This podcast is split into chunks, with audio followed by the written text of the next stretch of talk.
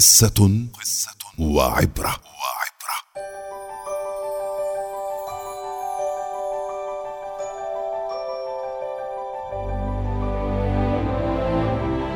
يحكى أن سامر كان من المتفوقين في دراسته.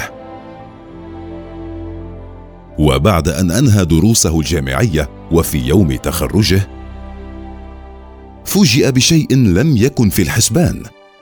ما جعله يطير من الفرح.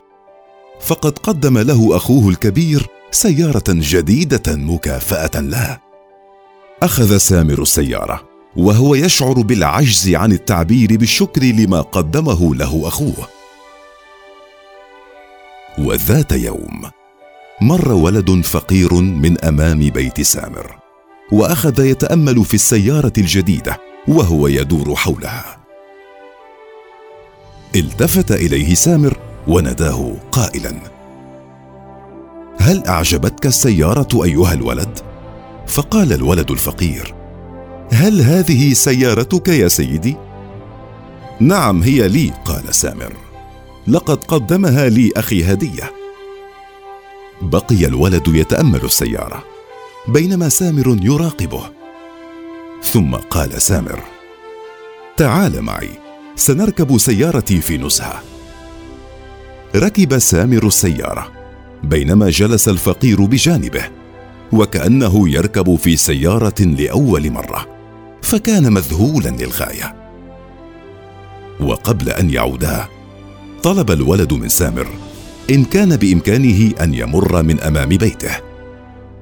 فابتسم سامر لدى سماعه سؤال الولد وقال في نفسه لما لا؟ فإن ذلك الولد يرغب أن يري رفاقه أنه يركب في سيارة جديدة. مر سامر بسيارته الجديدة في شارع صغير حيث كان الولد الفقير يسكن. ولدى اقتراب السيارة من مدخل البيت المتواضع سأله الولد هل بإمكانك أن تنتظرني لحظة ها هنا؟ وصعد الولد بسرعة درج البيت وعاد بعد لحظات يحمل على ذراعيه أخاه الأصغر المفلوج. اقترب من السيارة فارتسمت على وجهه ابتسامة عريضة ثم قال لأخيه المفلوج هل ترى هذه السيارة الجديدة؟ لقد قدمها له أخوه الكبير هدية وأنا أريد في يوم من الأيام أن أقدم لك يا أخي سيارة كهذه هدية.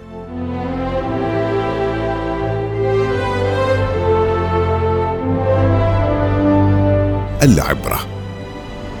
لم يقل هذا الفقير ليت لي أخ كأخيك. بل قال ليتني أقدر أن أكون مثله. فالسعادة الحقيقية هي في العطاء لا في الأخذ.